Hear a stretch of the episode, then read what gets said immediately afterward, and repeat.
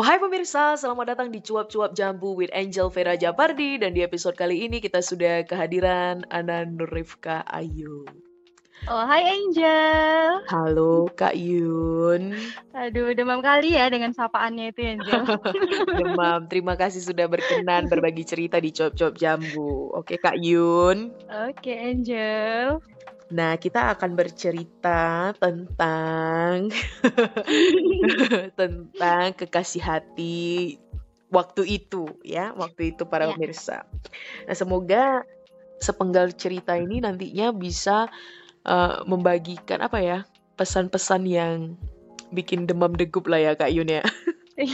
Harapannya begitu. Ya, oke. Ayo Kak Yun, cerita dulu. Apa ceritanya waktu eh, kayak mana lah awalnya berkenalan dengan si Mas itu?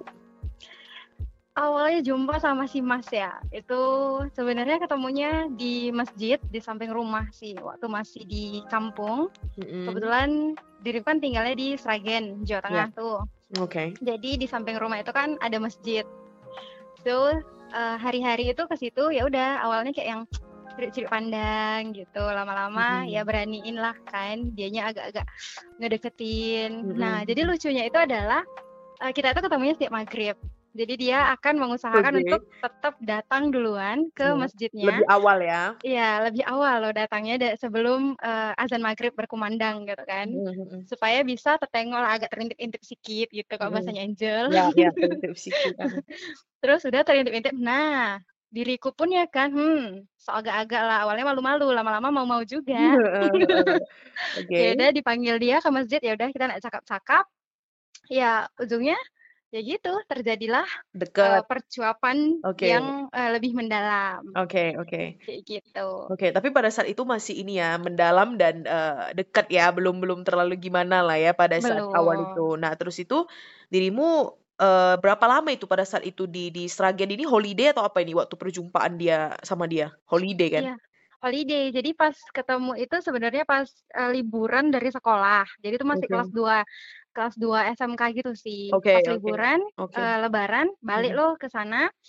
Ya udah ketemu sama dia sebulan chit chat chit chat, udah balik lagi lah ke Medan. Oke, Dan nah terus waktu gitu kapan lagi kalian jumpanya? Kan udah Kak Ayun udah balik ke Medan nih. Nah, ketemunya lagi itu setelah diriku pas eh, kuliah loh, balik ke Jawa itu pas liburan. Mm-mm. Sebenarnya jadi itu lumayan lama, jadi kayak agak sampai tiga bulanan gitu. Mm-mm. Nah, di situlah eh eh enggak sih sebelumnya. Sebelumnya itu masih kayak yang eh, baru lulus itu satu bulan juga. Jadi di situlah kita mulai kayak yang eh, dianya udah mulai berani untuk lebih dekat lagi mm-mm. gitu. Sampai akhirnya ya udah dia ajakin ke rumahnya Mm-mm.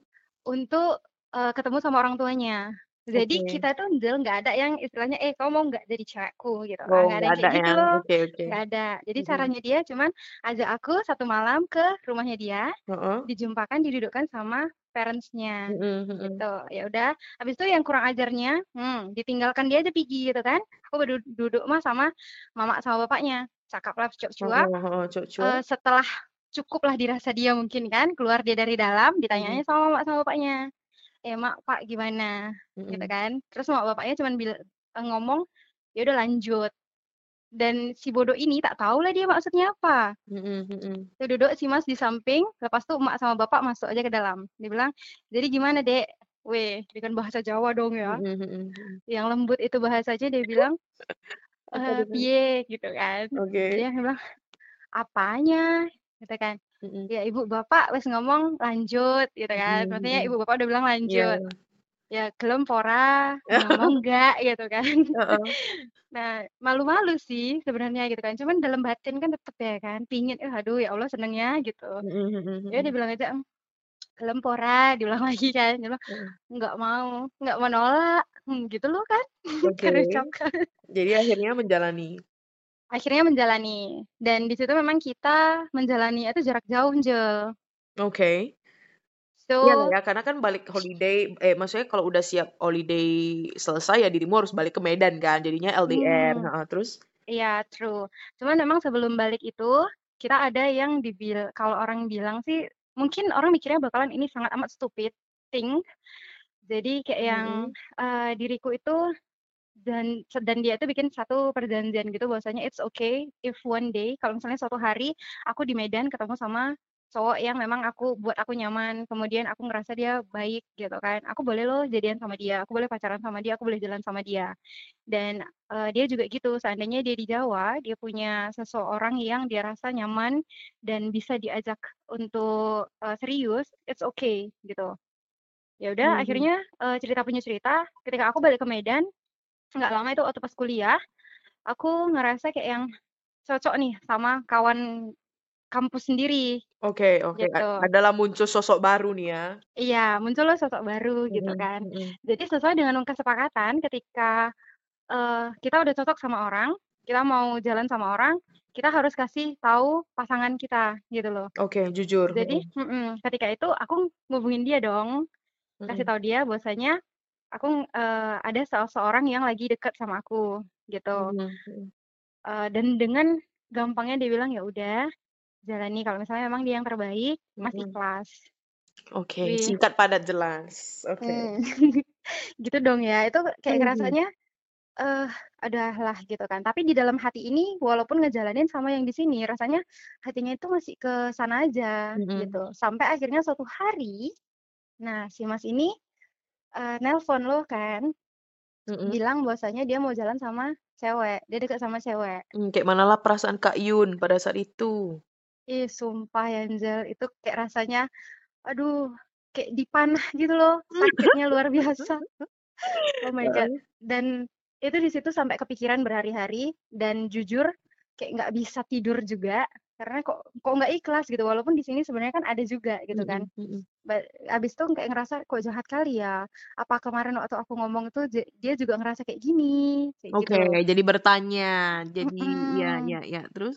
Kayak gitu kan, kok gampang kali dia ngomong kayak gitu. Terakhir, Mhm. uh, karena kepikiran terus, terakhir hubungan yang di sini juga kayak nggak berjalan mulus gitu. Mhm. Dan akhirnya aku ngomong sama yang di sini untuk bahwasanya, "Oke, bete-nya ya udah kita udahan, maaf banget kalau misalnya selama ini ya begitu-begitulah," Mhm gitu kan. mhm mhm. Dan syukurnya juga yang di sini terima, karena dia juga ngerasa dia bikin salah gitu. Oke. Lepas tuh diriku kasih tahu dong sama Mas yang di Jawa, Ya. dan waktu diriku bilang bahwasanya diriku putus, dia cuman bilang bahwasanya kayak gitu, dia kasih tahu bahwasanya yang kemarin dia telepon diriku itu dia jalan sama cewek itu, itu bohong. Oke, Gitu. penipuan, mhm, cuman mau ngetes Heeh. ombak dia? Gitulah ceritanya dia. Heeh. Jadi dia cuman mau tahu, eee, mau diriku tuh ngerasain nggak sih gitu, apa yang dia rasain gitu, sedih nggak sih kayak gitu. Ya udah loh akhirnya kayak yang, aduh ternyata ya nggak bisa loh, nggak gampang gitu, walaupun jarak jauh, yang namanya kepercayaan kalau udah dijaga tuh kayaknya susah gitu loh. Mhm Tapi tetep tetep hatinya tuh terpautnya ke sana dan Mhm. akhirnya pas liburan lagi kuliah, itu diriku balik lagi ke Jawa dan Mhm. itu cukup lama sih. Mhm. Dan kayak yang diriku bilang sama Angel bahwasanya kita itu jalan-jalan gitu kan, sampai ke, Mmm. mmm, Borobudur, Prambanan, Mhm pokoknya mhm. intinya keliling Jawa Iya, yang aku keliling belum Jawa. pernah jalanin sebelumnya. Uh, gemes banget. Tahun berapa itu? 2012? Itu 2011? 2012, 2013 gitu. Mhm mhm mhm. Itu memang Oke. bener, oh my god, aku ngerasa kayak waktu jalan sama dia tuh, ih ini ya, enak banget ya kalau misalnya punya pasangan macam gini, gitu. Mhm mhm. Dan lagi dia tuh kan orangnya nggak pernah yang kayak maksain gitu, Njal. Jadi meminta apa pun itu dengan bahasa halus, Mhm. sehingga diriku pun nyaman banget sama dia, Mhm mhm mhm. kayak gitu. Dan inilah sebenarnya klimaksnya ketika, eee, 2 minggu lagi diriku mau balik ke Medan. Oke, setelah kalian bareng selama 2,5 bulan berarti kan? Iya, Kayak betul. oke oke, so apa apa yang terjadi 2 minggu sebelum dirimu pulang itu? Eee, jadi 2 minggu sebelum diriku pulang, dia ada datang ke rumah, Mhm. kemudian dia ada minta izin bahwasanya dia itu mau pergi touring gitu sama Mhm. temennya ke waktu itu dia mau ke Bromo punya. Mhm mhm. Gitu. Naik gunung ini? Iya. Oke. Jadi kebayang dong ya, aku 2 minggu lagi mau pigi mau balik ke Medan terus mau ditinggal gitu. Mhm Kayaknya jiwa-jiwa manja ini terus nggak menerima gitu kan, mhm mhm. sok mengkek-mengkek nggak jelas. So, ya udah aku bilang aja sama dia bahwasanya aku nggak kasih gitu, jangan gitu. Mhm mhm. Dan dia cuman bilang bahwasanya Mas udah janji, nggak mungkin diingkari juga, udah Mhm. disiapkan dari jauh-jauh hari bahkan sebelum adik pulang. Mhm mhm. Dia bilang gitu. Cuman tetap sih aku karena ada ngerasa sesuatu hal di dalam hati kan, Jel. Berat. Jadi nggak heeh, berat banget gitu dalam hati. Aku juga nggak tahu kenapa, cuman aku ngerasa kayak, "Ih kok berat kali ya mau ikhlasin, padahal cuma mau jalan-jalan mau touring aja gitu. Tapi kok kayaknya nggak terima," gitu.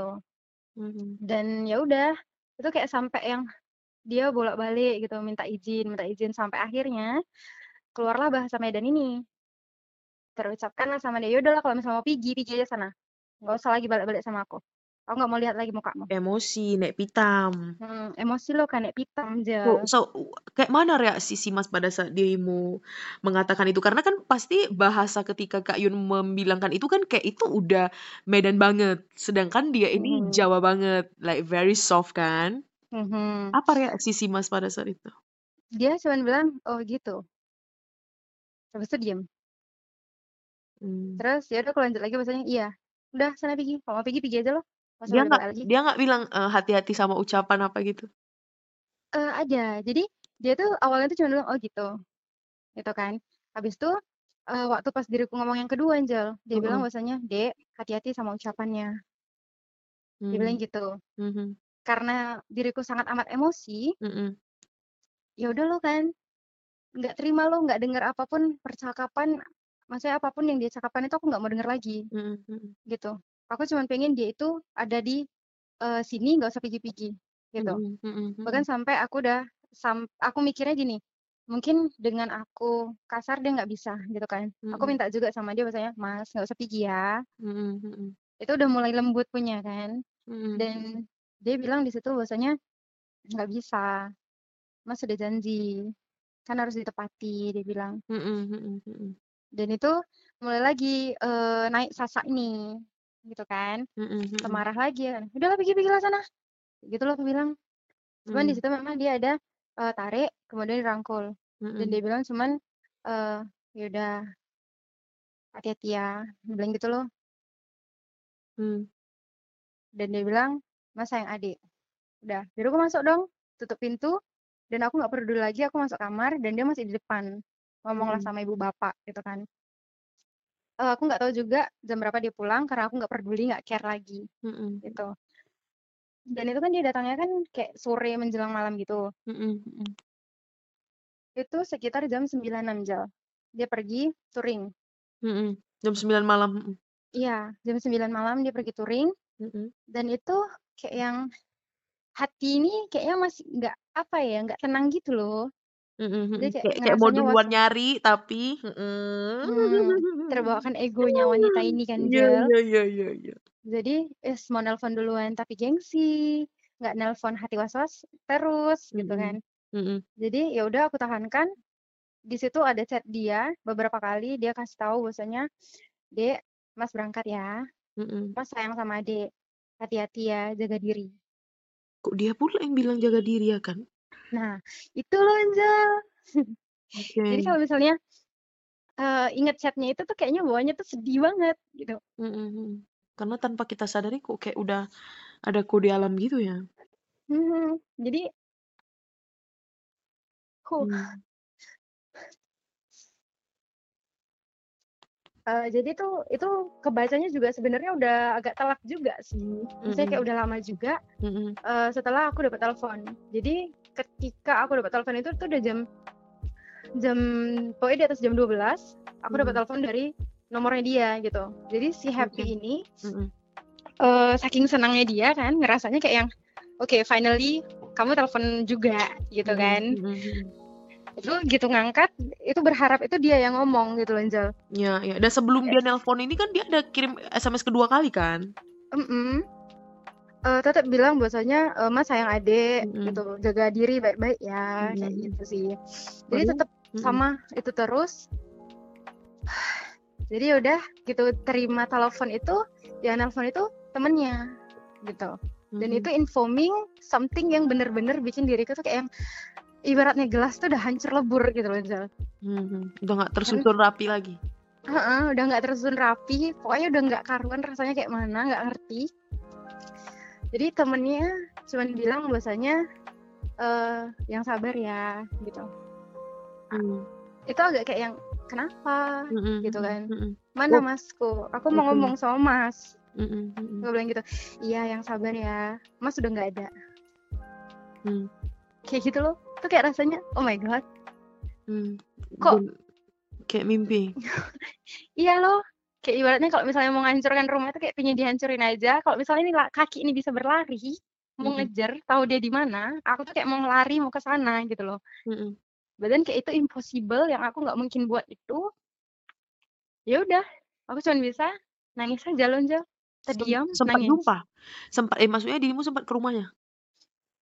sempat Hmm. jadi pas eh, besoknya gitu kan dia udah dibawa pulang nah, di situ loh aku ngelihat dia untuk yang terakhir kalinya gitu kayaknya kok oh my god sedih banget gitu Mm-mm. Ya, sorry ya agak-agak emosional sejan, sejan. This, story always sejan Kak Yun. Whenever we talk about this, it's always sejan.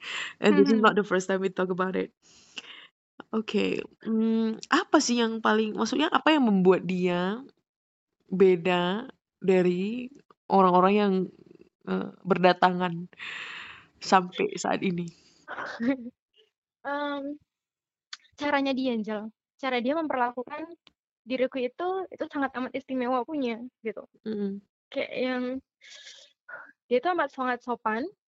Dia itu eh oke ka- kayak kami ya gitu dalam muslim gitu kan. Kita kan nggak boleh berpelukan yang sembarangan atau Ya, apa gitu betul, kan. betul, betul. Dan dia itu tidak pernah membuat itu tanpa izin. Even mau pegang tangan pun Mm-mm, dia itu akan izin dulu gitu dek boleh pegang tangannya? Mm-mm, mm-mm, kayak gitu. Eh kemudian cara dia bercakap. Mm-mm, pernah satu kali yang aku kan kalau dulu itu masih yang ke Jawa tuh nggak mm, belum berjilbab kayak sekarang mm-mm, gitu mm-mm, kan. mm-mm, mm-mm, jadi ada one day ketika aku udah mulai pakai jilbab eh, mm-mm, untuk membuat aku itu tetap pakai jilbab dia tuh mm-mm. ngomong kayak yang ya Allah subhanallah cantiknya udah macam bidadari surga ya. Kayak gitu. Eh, kebayang wanita mana yang kalau udah dipuji sama pasangannya itu nggak terus pingin nunjukkan yang demi yang kayak gitu gitu kan? Ya, ya, ya. jadi ya udah semenjak hari itu setiap kali aku ketemu sama dia setiap kali aku jumpa sama dia ya aku pakai jilbab gitu. Karena apa? Karena dia senang dengan aku yang seperti itu. Kalau orang-orang sekarang kan selalunya setiap yang datang kan eh kayaknya kok bagusnya kayak gini lah kayak gini lah gitu. Ya, seakan-akan kayak memerintah diriku Iya, gitu. mengatur. Mm-mm. Mm-mm, itu kayak yang apa bertolak belakang. Nah sedang kalau si mas ini caranya dia itu lembut banget dia Mm-mm. itu eh, menenangkan gitu mengajak kayak Mhm, kita mau sholat gitu kan. Eh dek kita berhenti dulu ya sholat dulu yuk gitu. Kayak mhm, gitu sih. Kemudian kayak sometimes lah namanya anak gitu kan ada satu kali agak-agak selek sama orang tua ya udah dia yang nengahin lo gitu. Dia yang ngingetin bahwasanya kayak mana pun sebagai anak ya kita itu ya harus ngalah kayak mhm, gitu. Itu selalunya tuh kayak gitu. Jadi hal-hal yang kayak gini eh itu yang nggak bisa bikin diriku itu ngelupain dia gitu loh Zal mhm, mhm. yang aku nggak dapat dari orang-orang yang sekarang berdatangan sama Iya. diriku kemudian yang eh, mau deketin diriku. Karena rata-rata cuma datang habis itu udah tahu aku tuh seperti ini ya udah mereka habis itu leave nggak tahu entah ke mana. Sedang mas ini ketika dia tahu bahwasanya diriku itu masih belum benar arahnya itu salah dia bantu Mhm, ngarahin. Mhm, mhm. Kayak gitu. Kayak udah calon imam banget ya beliau ini. iya beneran lonjol. Kedewasaan dia itu nggak Hmm. bisa dibilang Mhm, walaupun eh, memang dia lebih tua daripada aku tapi kan kita paling cuma beberapa tahun aja gitu mhm, nggak sampai puluhan tahun nggak sampai lima tahunan nggak sampai gitu kan mhm. tapi cara dia memperlakukan itu kayak yang bener-bener hmm, tak Mengayomi banget ya, Mm-mm, mengayomi banget. true Mhm, mhm. Jadi teringatnya lah Kak Yun, if if if Mhm. you kalau kita bisa memutar balik waktu, kiranya dirimu pengen ngomong apa sama dia? aku pengen minta maaf Jel Oke. aku nggak bakalan ngomong bahwasanya aku tuh nggak eh, nggak mau dia balik lagi Oke. Menarik gitu balik apa yang dirimu de- ucapkan. Mm-mm. aku pengen ngomong kalau misalnya aku tuh sayang banget sama dia Mhm, aku pengen dia tetap ada bareng aku mhm, itu sih kalau misalnya aku hmm, bisa balik-balik mhm. Itu yang pengen aku omongin sama dia. Oke. Oh my god, demam kali. Aku pun demam di sini. Mmm, oke, mmm, sekiranya lah ya kan Kak Yun me me Mhm. melalui perjalanan ini perjalanan ini sih waktu pertama kali diriku tahu, diriku jadi kayak belajar bahwasannya memang kita nggak boleh apa ya, take things for granted juga gitu ya, bener-bener harus, eee, cherish every moment bersama orang-orang yang kita sayangi, ya kan? Yap, true banget. Udah gitu juga, hal lain yang diriku lihat juga bahwasannya kita nggak bisa menilai orang dari luarnya doang gitu, dalam artian mungkin untuk orang-orang yang nggak tahu Kak Ayun, ya kan, Mhm. mungkin orang-orang bakalan kayak karena aku tahu kan Kak Ayun ini sangat suka menulis, gitu. Iya. Dan nggak bisa dipungkiri ternyata hobimu menulis ini sebenarnya dari dari si kawan ini ya, karena karena Mhm. si Mas ini dan, eee, segala perjalanan yang dirimu lalui gitu kan, jadi banyak inspirasi Mmm. untuk nulis. Nah, untuk orang-orang yang nggak tahu pasti kan kayak, eee, nge-judge-nya kayak, "Ih, alay kali lah, ih apa sih?" Mhm. Gitu. That that's how people will judge gitu ya, walaupun nggak semua, pasti di luar sana ada orang-orang yang berpikiran seperti itu. Jadi dari, Mhm. eee, apa ya, cerita ini ya harapannya kalau dari Angel sih semoga orang-orang yang mendengarkan itu bener-bener, apa ya, bisa apa ya, kalau kalian udah tahu cerita orang, barulah kalian bercakap. Ya Mhm, kan, bener. jangan terlalu banyak bersuara kalau kalian pun nggak tahu apa yang orang udah lalui, apa apa cerita di balik, eee, orang-orang, eee, bersikap seperti itu ataupun seperti ini gitu kan. Mhm, Nah karena jadi jujur sih mhm mhm. eee, ada beberapa orang yang gitu udah nengok postingan diriku gitu kan, mereka cuman bilang bahwasanya, eee, "Kok kenapa Ayun lagi ada masalah ya? Mhm. Lagi putus cinta ya? Eee, lagi galau ya?" Kayak gitu sih. Terus nanti kalau yang, eee, keingetnya yang ter-share-kan diriku adalah sesuatu hal yang nampaknya bahagia karena aku mengenang masa-masa bahagia sama si Mas, Mhm. itu nanti orang pikirnya kayak, "Ih, baru jatuh cinta ya?" Kayak gitu sih. mhm. Padahal Dan padahal hasil tulisannya sesuai dengan mood at that moment pas dirimu nulis, right? Heeh. Dan ketika mereka ngomong kayak gitu, aku tidak pernah jujur aku nggak pernah bilang yang maksudnya, "Oh, enggak kok," gitu. Aku Mhm. cuman kasih senyuman aja sih, karena, mmm, yang tahu diriku, yang tahu kenapa aku nulis demikian adalah diriku, gitu. Iya. Kamu nggak pernah datang tanya, eee, "Kenapa sih nulis kayak gitu? iya Ceritanya iya. gimana?" Gitu kan. Iya. So, ya udah aku membiarkan mereka berpikir deng mmm, berasumsi berdasarkan apa yang mereka lihat. Karena aku Mmm. percaya orang yang tahu contohnya kayak Angel gitu kan, Mhm. Angel mau tahu lebih gitu kan, "Kenapa sih Kak Ayun ini nulis kayak gitu?" Gitu kan, dan Mhm. diriku sharing. Mmm, Nah, terduduklah kita kayak sampai tengah malam kan? Heeh, bukan lagi. Nah, yang kayak gini aku lebih mengapresiasi gitu, eee, karena bener-bener pengen tahu diriku gitu sih. Oke. Jadi nggak asal berasumsi sembarangan, Mhm mhm gitu. Oke oke, tapi bagusnya di sini, eee, Kak Ayun enggak, apa ya, enggak ambil hati lah ya orang mau berpenilaian kayak mana, suka hati ke lain lah ya kan. Yang Mhm. penting, eee, ya cukup kita dan teman-teman dekat lah yang tahu apa cerita di balik tulisan-tulisan itu kan. Yap, true. Dan diriku pun nggaknya jago nulis, cuman karena setelah mendengarkan, eee, perceritaan dirimu langsung aku bikinkan sepenggal puisi kan untuk si Mas. Mhm. Iya, kemarin kan Demam aku udah posting juga. Iya iya, gemes banget. Anyway, Kak Yun, mmm, pembelajaran apa sih yang pengen dirimu kasih tahu ke teman-teman yang mendengarkan podcast episode ini? Untuk teman-teman, intinya adalah, eee, yang pertama, ketika kita lagi sama sama pasangannya kita, usahakan bahwasanya kita itu menghabiskan waktu yang terbaik untuk mereka.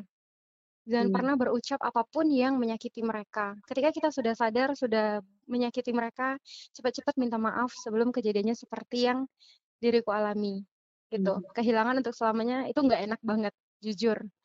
Kalau misalnya kehilangan kita masih bisa lihat orangnya, Mhm. itu masih, eee, ada untuk menghilangkan rasa rindu. But then ketika Iya. kita kehilangan, kita nggak bisa lihat dia sama sekali, cuman bisa lihat foto, itu rasanya sedih banget.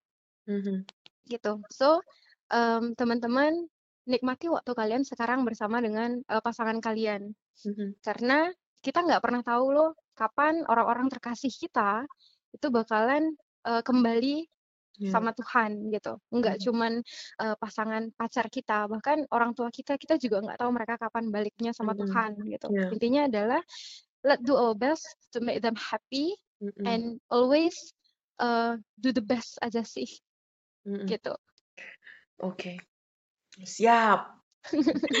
Dan aduh, satu hal lagi ini ya, eee, ada apa namanya, pesan yang juga bisa diberikan bahwasannya, eee, mungkin mungkin orang beberapa orang yang mendengarkan podcast ini akan berpikiran, eee, di sisi lain itu kayak, "Aduh ngapain sih udah cerita lama? Kayak masih baper, masih nggak bisa move on." Eh kawan, jangan banyak cakapmu kawan, nggak kau rasakan, ya kan? Maksudnya menurut diriku, for some people mungkin akan berpenilaian kayak, "Ih lebay apa segala macam." Eh nggak bisa, kita nggak Mhm. bisa, eee, berpenilaian seperti itu karena kita tidak benar-benar berpijak di, eee, si di apa ya, di kaki si pemeran utama istilahnya ya kan Iya, Kak Yun. Jadi kita nggak true. bilang kayak, "Ah udah lama Kak Yu eee, Kak Yun gini, udahlah welcome lah yang baru," apa segala macam. It's never that easy ya, bahkan yang Mhm. kayak, eee, move on dari mantan yang masih hidup aja not that easy gitu. Bener. Apalagi Nggak nggak segampang kalau misalnya kayak kita itu ngomong gitu, merasakan itu jauh lebih, susah, menjalani itu menjalani sendiri itu jauh lebih susah. So buat teman-teman please mengerti dong posisinya orang-orang yang ngalamin kayak gini Iya gitu, iya. jangan langsung men-judge kita. Iya iya. Sesak jantungnya cuman si pemeran utama yang tahu, dan kita itu sama sekali nggak punya hak ataupun, eee, bagian untuk apa ya, untuk itulah meng menghakimi, Benar. begitu. So, semoga Cop-Cop Jambu di episode kali ini bisa membawa nilai-nilai positif untuk teman-teman yang mendengarkan. Amin. Terima kasih Kak Yun sudah berbagi sepenggal cerita yang sangat syahdu. Iya, thank you juga Angel sudah memberikan diriku ruang untuk bercakap di Cop-Cop Jambu. Siap, sama-sama. Sehat selalu kita ya Kak Yun ya. Amin. Dadah. Dah Angel. Bye Kak Yun.